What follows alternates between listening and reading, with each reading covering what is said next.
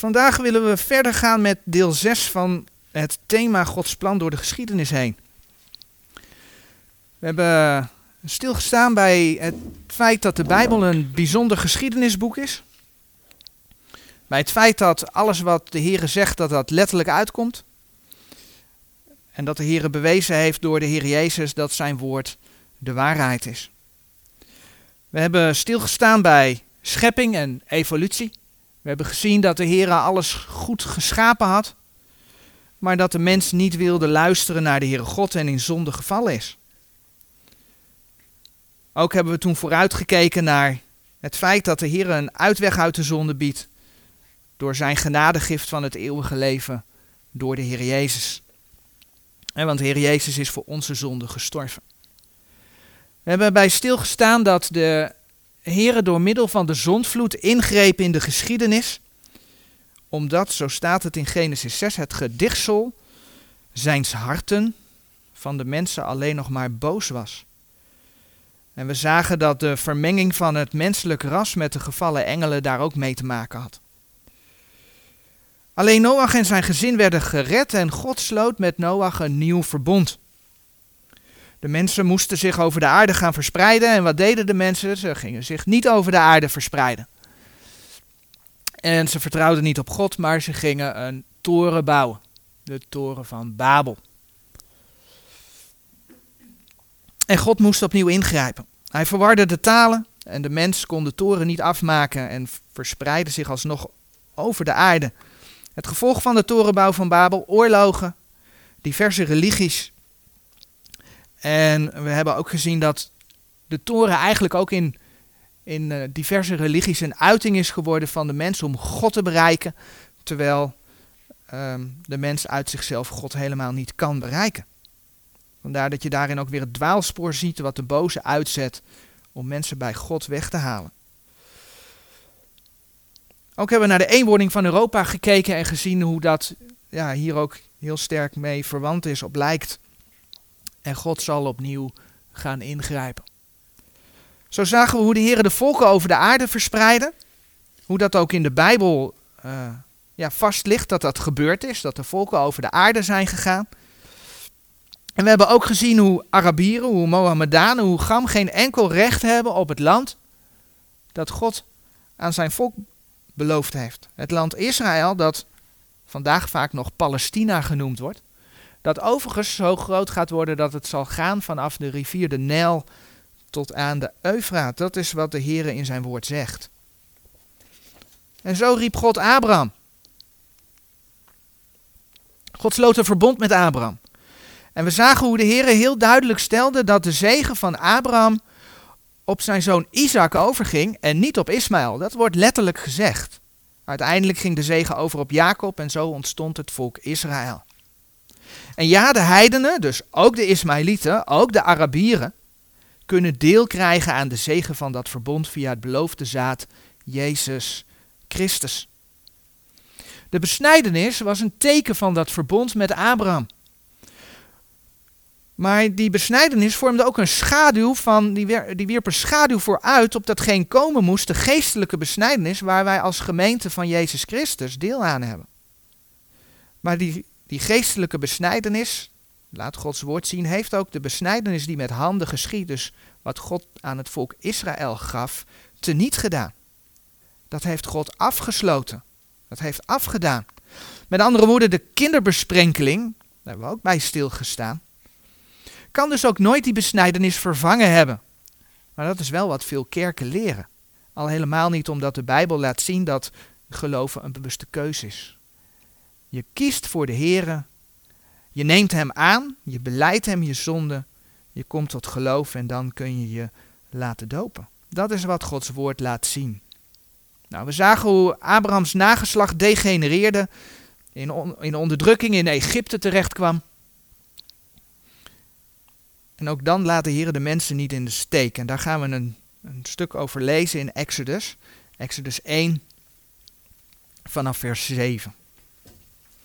Want zo'n kleine 430 jaar na de roeping van Abraham komen we dan bij de Exodus uit Egypte. Exodus hoofdstuk 1. vanaf vers 7.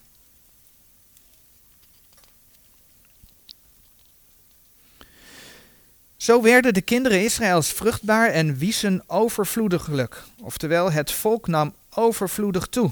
Het groeide. En zij vermeerderden en werden gans zeer machtig, zodat het land met hen vervuld werd. Daarna stond een nieuwe koning op over Egypte, die Jozef niet gekend had. Die zeide tot zijn volk: Zie het volk der kinderen Israëls is veel, ja machtiger dan wij. Komt aan, laat ons wijselijk tegen hetzelfde handelen, opdat het niet vermenigvuldige en het geschieden als er enige krijg voorvalt, dat het zich ook niet vervoegen tot onze vijanden en tegen ons strijden en uit het land optrekken. En zij zetten overste der schattingen over datzelfde, om het te verdrukken met hun lasten. Want men bouwde voor Farao schatsteden, Pitom en Raamses. Maar hoe meer zij het verdrukten, hoe meer het vermeerderde. En hoe meer het wies, zodat zij verdrietig waren vanwege de kinderen Israëls. En de Egyptenaars deden de kinderen Israëls dienen met hardigheid, zodat zij hun het leven bitter maakten, met harde dienst in leem en in tichelstenen, en met alle dienst op het veld, met al hun dienst die zij hen deden dienen met hardigheid. Dus het volk Israël is in Egypte enorm gegroeid. En de nieuwe koning die Jozef niet gekend heeft, laat de nakomelingen van Jacob onderdrukken. En de onderdrukking wordt heel zwaar. En dan gebeurt het volgende, zoals we lezen in Exodus 2. In Exodus 2, vers 23 tot en met 25. En het geschiedde na vele dezer dagen, als de koning van Egypte gestorven was, dat de kinderen Israëls zuchtten en schreeuwden over de dienst. En hun gekrijt over hun dienst kwam op tot God. En God hoorde hun gekerm. En God gedacht aan zijn verbond met Abraham, met Isaac en met Jacob. En God zag de kinderen Israëls aan en God kende hen. God hoort hun geroep en stuurt een verlosser. Iemand van het eigen volk, Mozes. Mozes wordt door de Heer in zijn woord letterlijk ook verlosser genoemd. In Handelingen 7, vers 35, daar staat geschreven: Deze Mozes, welke zij verlogend hadden, zeggende: Wie heeft u tot een overste en rechter gesteld? Deze, zeg ik, heeft God tot een overste en verlosser gezonden, door de hand des engels, die hem verschenen was in het doornbos. Deze, zeg ik, heeft God tot een overste en verlosser gezonden. Nadat God zichzelf aan Mozes heeft geopenbaard in Exodus 3, vers 1 tot en met 4, vers 17, moet hij terug naar Egypte om zijn broeders uit de slavernij te bevrijden. En hier zien we dan ook voor het eerst dat God tekenen en wonderen gebruikt door de hand van Mozes. En Mozes was een geboren Israëliet. We gaan daar nu niet verder op in, maar je ziet dat God de wonderen en tekenen met name gegeven heeft aan het volk Israël in Gods woord. En hier bij Mozes in Egypte ontstaat dat ook. En we zien dat in Exodus 5 tot en met Exodus 12. We zien ook hoe God zijn volk dus bevrijdt op een wonderbaarlijke manier en eigenlijk overstapt met het handelen van een persoon. God had Abraham uitgekozen. Hoe hij overstapt op het handelen met een volk. Want men noemt het verbond vaak het verbond met Mozes, dat God gaat sluiten, maar eigenlijk is het verbond met het volk Israël. Dat blijkt ook als we straks uh, andere teksten in Gods woord gaan lezen. De Heere sluit met hen een verbond op op de berg Sinai. Het verbond dat beter bekend is als de wet. Veel mensen kennen de wet van de tien geboden. Maar de tien geboden, die staan in Exodus 20, de eerste 26 versen van dat hoofdstuk, is eigenlijk maar een fractie van de wet. Eigenlijk is het een soort samenvatting. Maar naast de tien geboden krijgt het volk ook een soort burgerlijke wet. Waarin staat geschreven hoe de Heer wil dat mensen met elkaar omgaan, maar ook als ze zich er niet aan houden, wat dan de straf is. En voorbeelden kun je vinden in, in Exodus, in Leviticus, maar ook in Numeri, Deuteronomium. Tevens zijn er ceremoniële wetten, waarin de Heer zegt hoe hij gediend wil worden. Vind je ook in Exodus, ook in Leviticus, ook in, in, in, in, in Numeri, Deuteronomium. Deze wetten bevatten allemaal details over de offerdienst, over de feestdagen, over hoe God aanbeden wil worden. Kom je allemaal tegen als je die boeken leest. De wet van Mozes omvat dan ook veel meer dan die tien geboden. De wet van Mozes omvatte de eerste vijf boeken van de Bijbel. Genesis tot en met Deuteronomium. Ook wel de boeken van Mozes genoemd. En je kunt dat bijvoorbeeld vinden in Nehemia 8, vers 2, Nehemia 13, vers 1. Nehemia 13, vers 1 pakken we er even bij.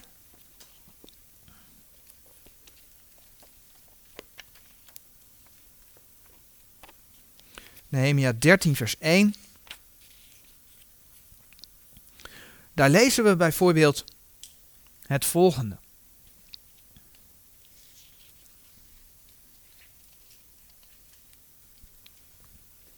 Nehemia 13, vers 1. Te dien dagen werd er gelezen in het boek van Mozes, voor de oren des volks. En daarin werd geschreven gevonden dat de Ammonieten en Moabieten niet zouden komen in de gemeente Gods tot in eeuwigheid. En je zou dan ook vers 2 er nog bij kunnen lezen. Wat hier staat geschreven, wat de Israëlieten lazen in het boek van Mozes, dat vinden we in Deuteronomium 23, vers 3 tot en met 5. Pakken we er ook even bij. Deuteronomium 23, vers 3 tot en met 5.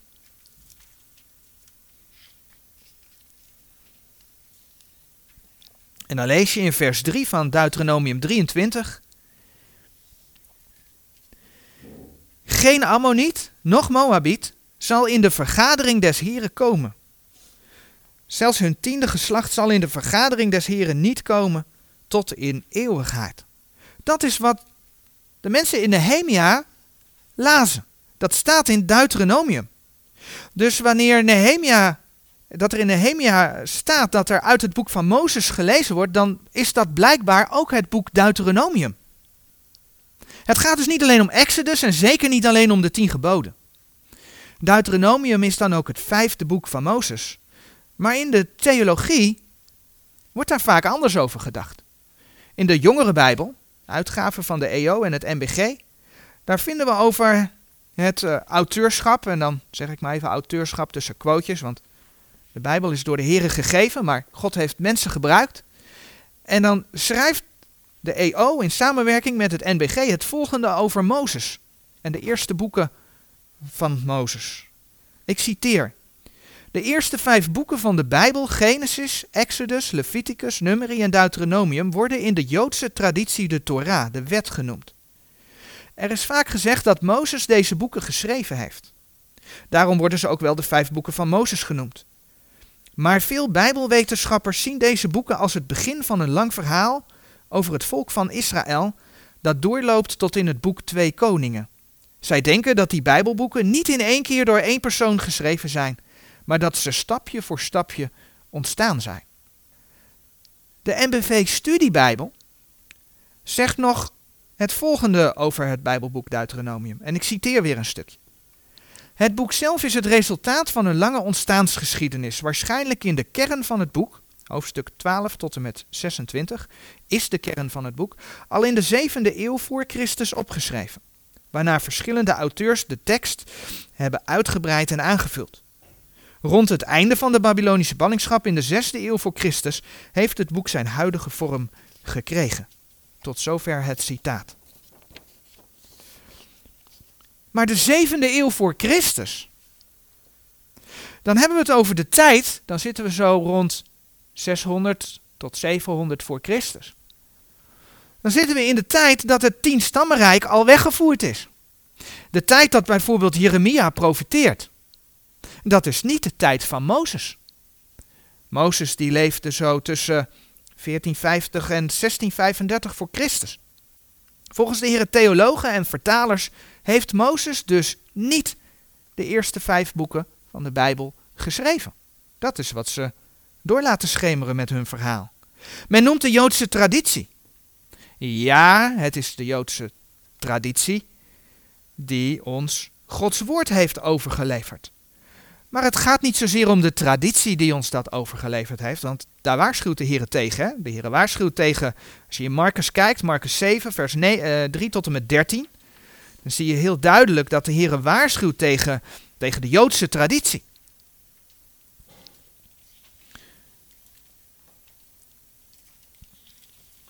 Marcus 7, vers 3.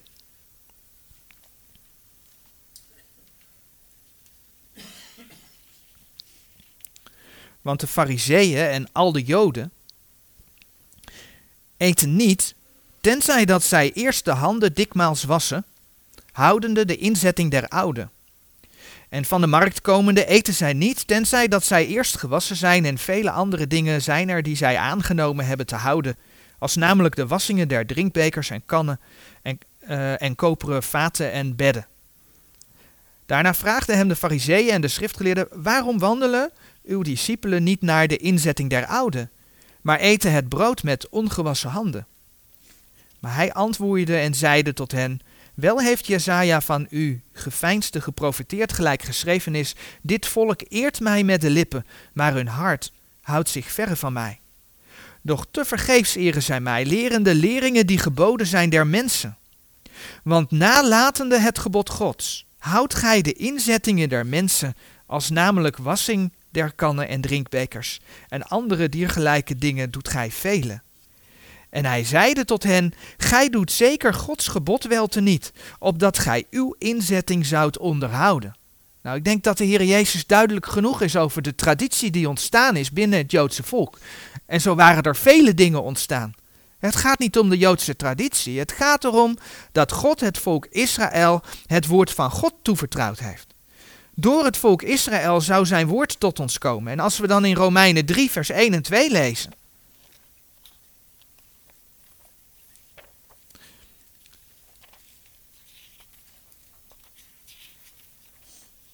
Romeinen 3, vers 1 en 2.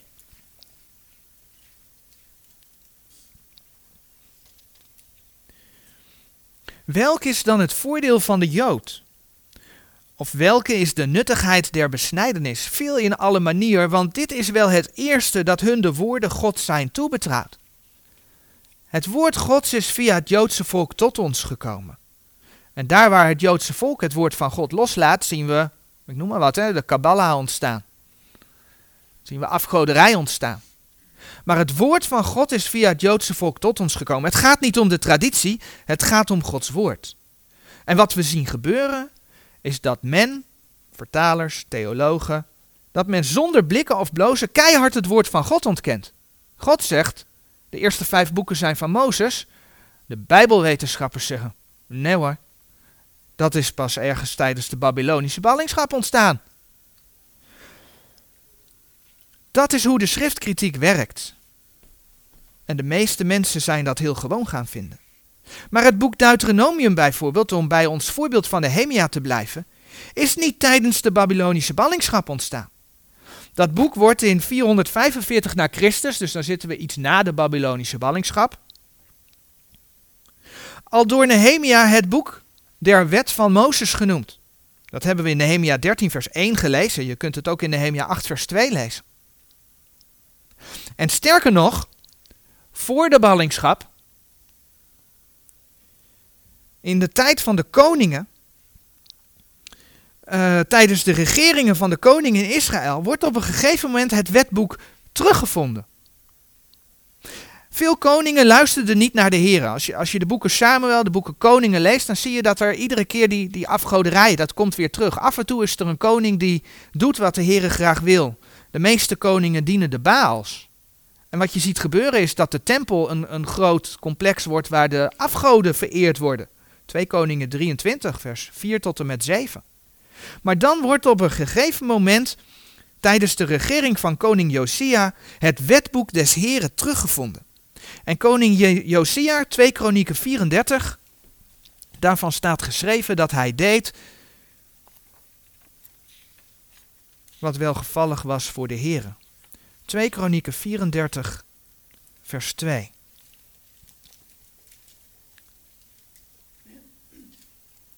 En hij deed wat recht was in de ogen des Heren en wandelde in de wegen van zijn vader David en week niet af ter rechter noch ter linkerhand. En dan, tijdens zijn regering, wordt het wetboek des Heren teruggevonden, waardoor er een ja, soort van geestelijke opleving plaatsvindt. In vers 19 van het hoofdstuk van 2 Kronieken 34, daar lezen we dan.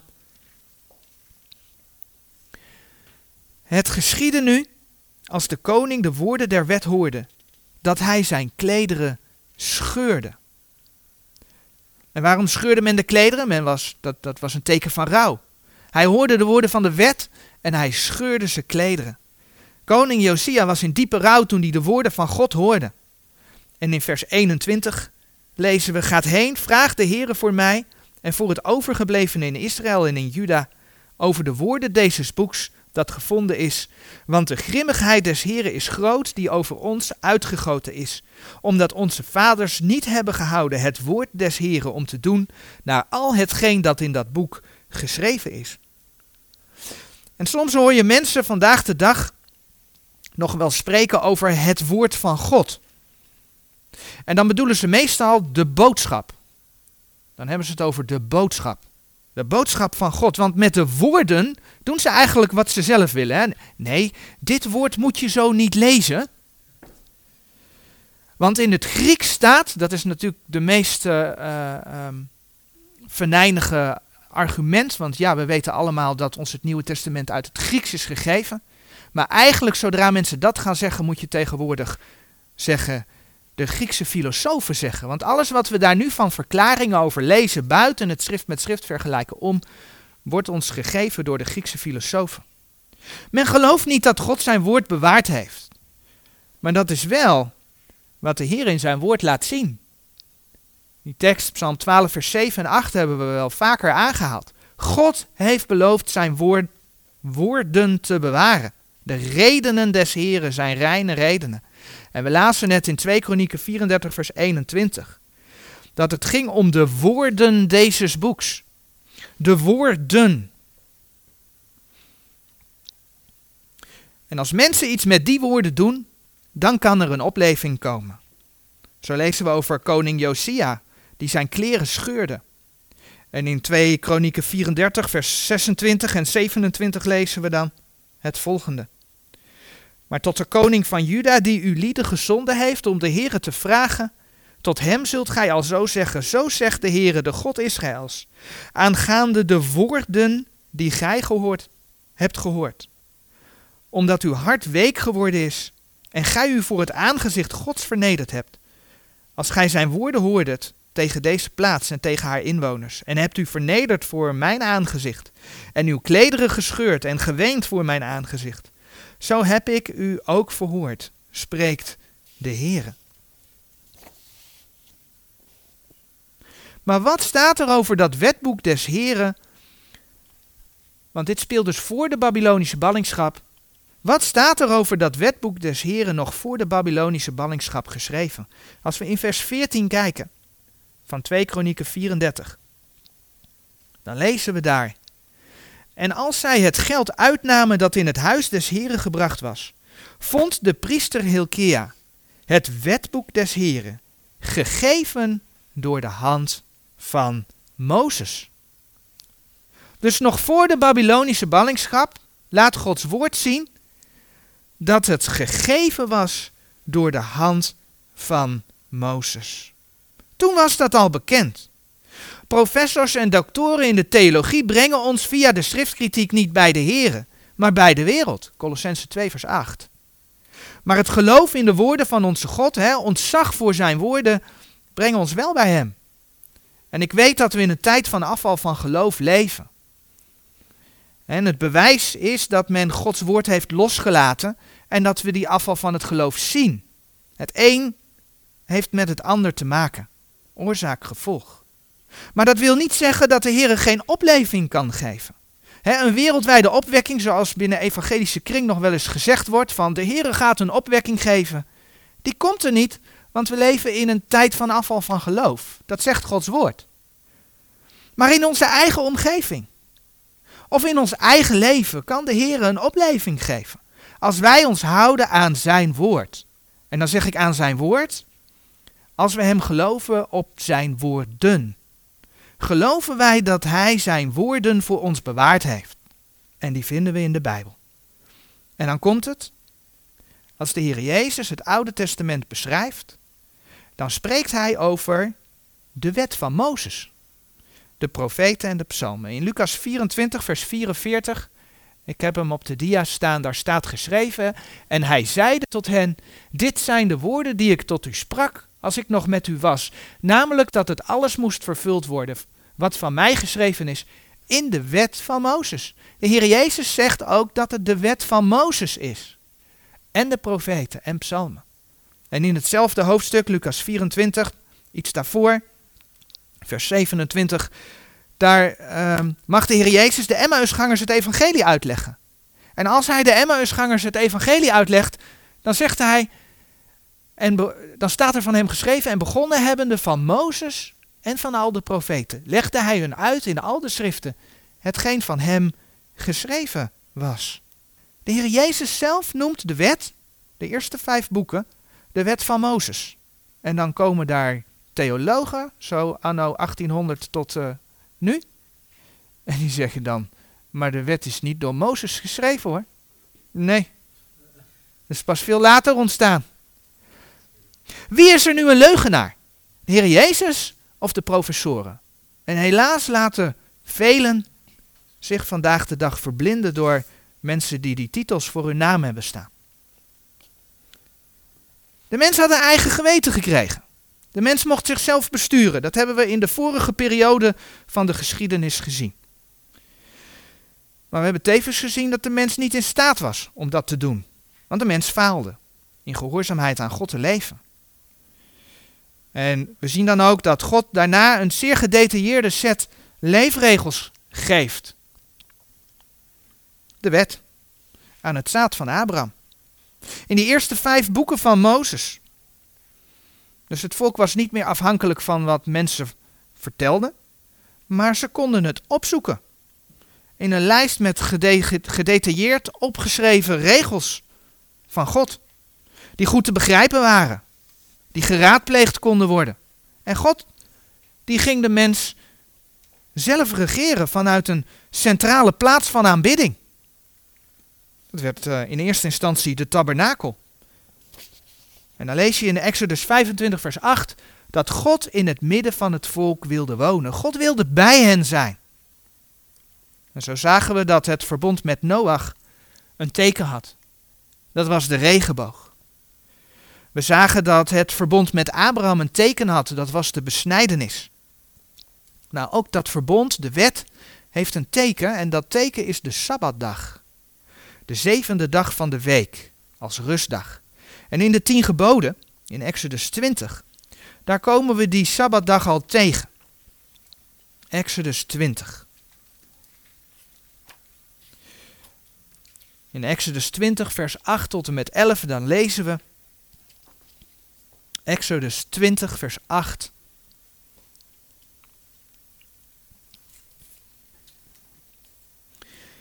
Gedenk de Sabbatdag dat gij die heiligt. Zes dagen zult gij arbeiden en al uw werk doen. Maar de zevende dag is de Sabbat des Heren, uw Gods. Dan zult gij geen werk doen. Gij, nog uw zoon, nog uw dochter, nog uw dienstknecht, nog uw dienstmaagd, nog uw vee, nog uw vreemdeling die in uw poorten is want in zes dagen heeft de Heer de hemel en de aarde gemaakt, de zee en alles wat daarin is, en hij rustte ten zevende dagen. Daarom zegende de Heere de Sabbatdag en heiligde dezelfde. Nu zegt de Bijbel, want dat hoor je nog wel eens zeggen, hè? de Heer Jezus heeft de wet vervuld, dus de wet heeft ons niks te vertellen. Nergens in de Bijbel staat dat de wet voor ons geen betekenis heeft. Sterker nog, 1 Timotheus 1 vers 8 in de brieven aan de gemeente, 1 Timotheus 1 vers 8, doch wij weten dat de wet goed is. De wet is goed. Wij weten dat de wet goed is, zo iemand die wettelijk gebruikt.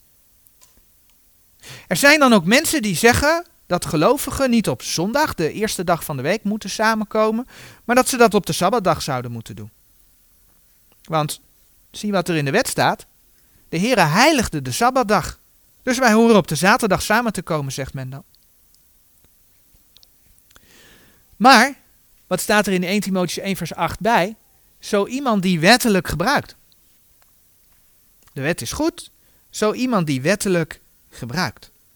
Hetzelfde woord van God laat namelijk zien dat voor de gemeente niet de wet, maar wel, en dan komt hij, de inzettingen der wet teniet gedaan zijn. In Efeze 2 vers 15 staat dat heel mooi geschreven.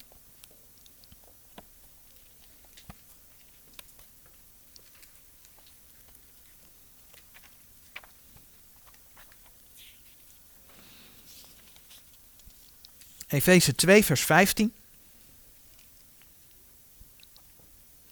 Het gaat over de Heer Jezus. En dan staat daar, heeft hij de vijandschap in zijn vlees te niet gemaakt, namelijk de wet der geboden. En dan stopt het niet, dan staat erachter, in inzettingen bestaande. Opdat hij de twee in zichzelf tot één, mens, één nieuwe mens zou scheppen, vrede makende. Het gaat erom dat Jood en Heide één geworden zijn in Christus. En uh, aan het kruis heeft de Heer Jezus um, de wet der geboden in inzettingen bestaande teniet gemaakt. En hoe komt dat? Wij kunnen niet door de werken der wet gerechtvaardigd worden. Dat is wat Gods woord laat zien. Daarom zijn die inzettingen voor ons teniet gemaakt. In Colossense 2, vers 16 en 17 volgens mij de vorige keer ook aangehaald, maar dat past hier ook heel mooi bij. In Colossense 2, vers 16 en 17 lezen we dan ook. Dat u dan niemand oordelen in spijzen of in drank, of in het stuk des feestdags, of der nieuwe maan, of der sabbatten. Welke zijn een schaduw der toekomende dingen, maar het lichaam is van Christus.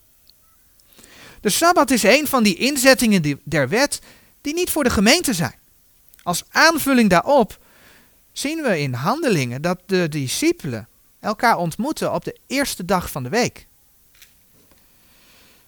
En dat Paulus de boodschap verkondigde op de eerste dag der week.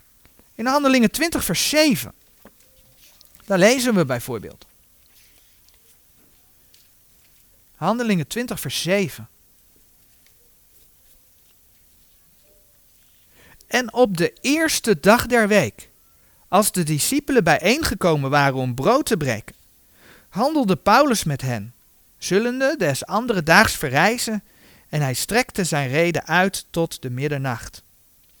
En op de eerste dag der week.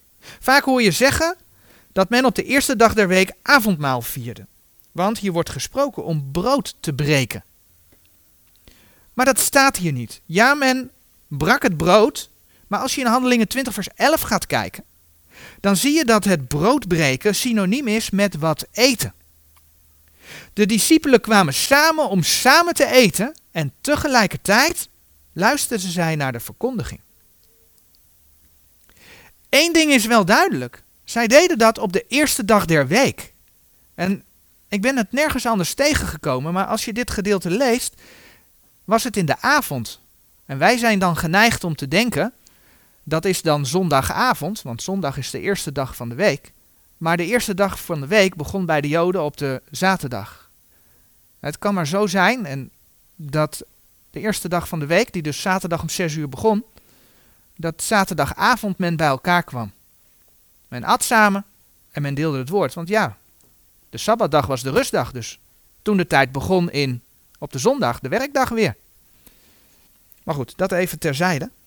Het is in ieder geval op de eerste dag der week. En ook zamelde, 1 Korinthe, ook zamelde men, 1 Korinthe 16 vers 1 en 2, op de eerste dag der week bijvoorbeeld geld in. Dat zie je iedere keer terugkomen. Maar hoe zit het dan met hetgeen God in de wet aankondigde en wat wij in de tien geboden hebben gelezen?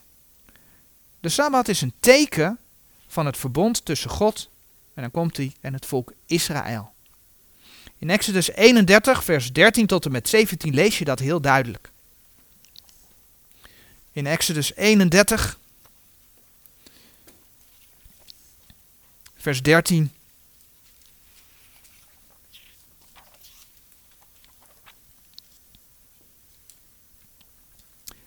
Gij nu spreekt tot de kinderen Israëls, zeggende: Gij zult evenwel mijn sabbatten onderhouden.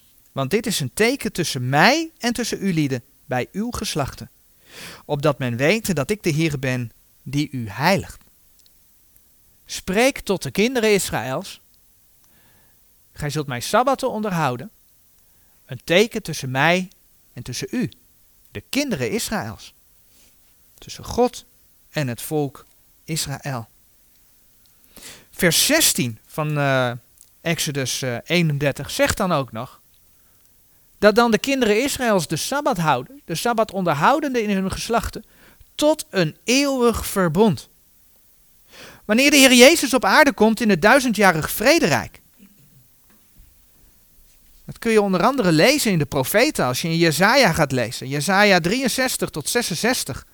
Dan zie je dat daar de Sabbatten weer terugkomen. In het duizendjarig vrederijk zal de Sabbat gehouden worden. Dat lees je onder andere in Jesaja 66, vers 23.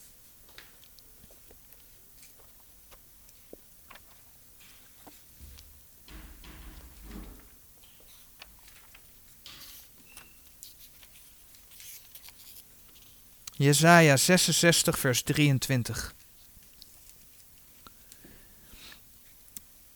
En het zal geschieden dat van de ene nieuwe maand tot de andere en van de ene sabbat tot de andere alle vlees komen zal om aan te bidden voor mijn aangezicht, zegt de Heere. In het toekomstige koninkrijk Israël zal de sabbat weer gehouden worden. Het kan haast niet duidelijker. Dit verbond is een verbond tussen God en de Israëlieten. Dit verbond was toen niet voor de heidenen, voor de gemeente is het dat nu ook niet. Dat verbond van de wet is een compleet voorwaardelijk verbond. Het begon in Exodus 19, vers 5.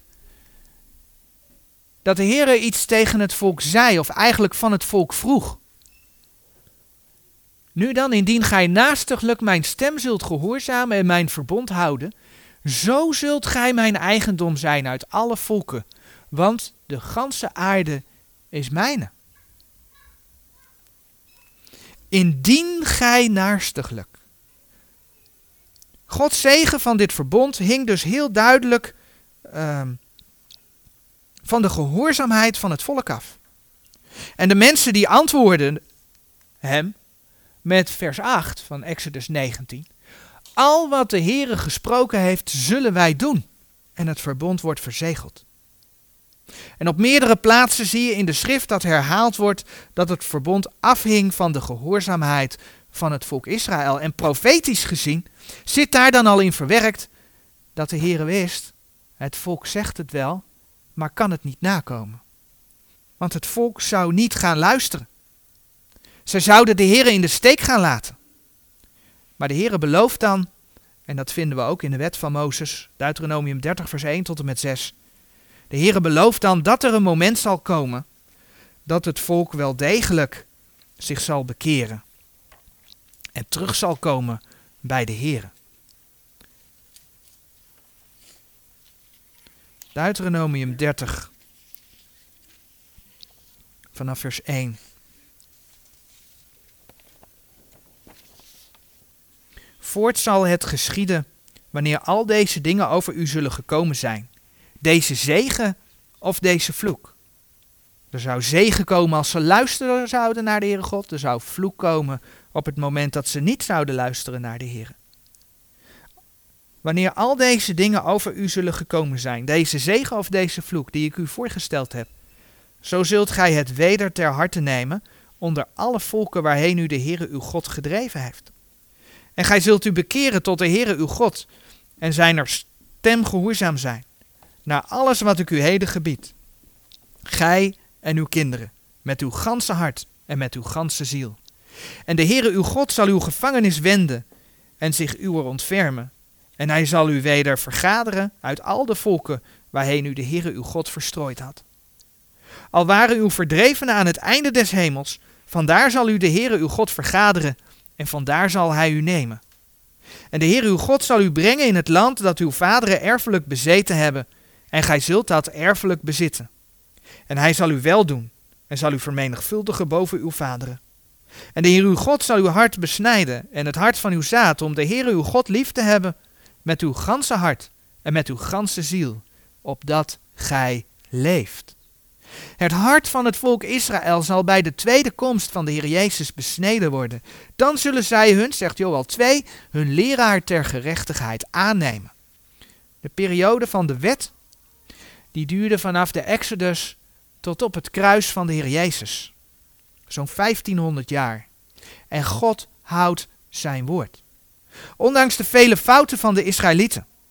De rebellie van het volk begint tijdens de Exodus al. Dan kun je denken aan het, aan het gemopper over eten en drinken. Het niet vertrouwen van de Heere God die hen notabene bevrijd had. Het maken van het gouden kalf. Maar God is geduldig. Na Mozes komt er een andere leider, Jozua. God geeft de richteren, maar het volk wil een koning. En God waarschuwt het volk, wat een koning betekent. Toch wilde het volk een koning en God gaf het volk koning, koning Sal. Koning Sal, eigenlijk door de wil van het volk, is ook een boos koning. Maar God zorgt ervoor dat Sal opgevolgd wordt door een man naar zijn hart, David. Maar ondanks de leiding en de wijsheid die God ja, zijn volk geeft, kiest het iedere keer toch weer zijn eigen weg. En het verzinkt in rebellie en afgoderij. God zendt verschillende profeten ter waarschuwing.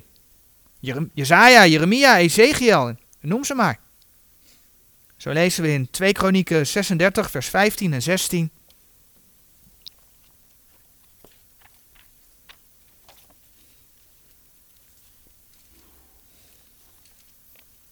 2 Kronieken 36, vers 15.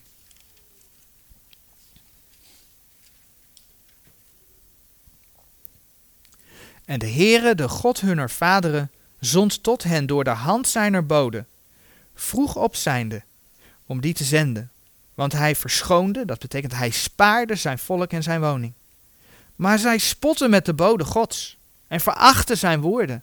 Zij verleiden zichzelf tegen zijn profeten, totdat de grimmigheid des Heren tegen zijn volk opging, dat er geen helen aan was. De profeten worden over het algemeen vervolgd of vermoord. En in het Nieuwe Testament, in Matthäus 23, vers 37, wordt dat ook nog weer bevestigd. Matthäus 23, vers 37. Ik heb hem ook hier op de dia staan. Jeruzalem, Jeruzalem, gij die de profeten dood en stenig die tot u gezonden zijn. Hoe menigmaal heb ik uw kinderen willen bijeen vergaderen, gelijkerwijs een hen haar kiekens, haar kuikens bijeen vergaderd onder de vleugelen. En gij lieden hebt niet gewild. Het volk luistert niet. Ook in deze tijd zien we weer het falen van de mens. Na bijna duizend jaar van geduld gaat God oordelen. De vijanden komen. En God laat het volk in Babylonische ballingschap gaan. In 2 Kronieken 36, vers 17 en 20.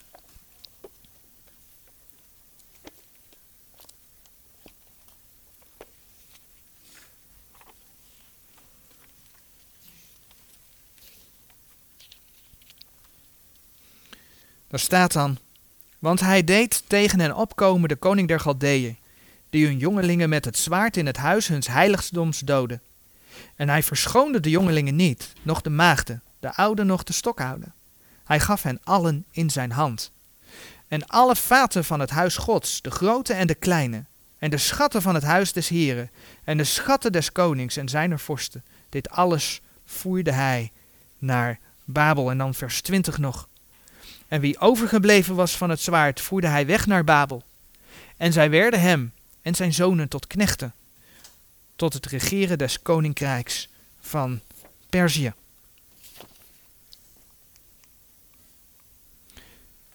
Het volk werd weggevoerd. Na 70 jaar echter mag een deel van hen terugkeren naar Jeruzalem. Waarom was dat nodig? De profeten zeiden dat in Bethlehem een verlosser geboren zou worden. Dus God liet het volk weer terugkeren. De stad en de tempel werden herbouwd. Ezra en Nehemia. Maar wanneer de beloofde Messias komt, Johannes 1 vers 10 en 11, is het volk opnieuw vol ongeloof en neemt hij Messias niet aan. Jezus Christus wordt gekruisigd, maar daarmee gaan we dan de volgende keer verder. Tot zover.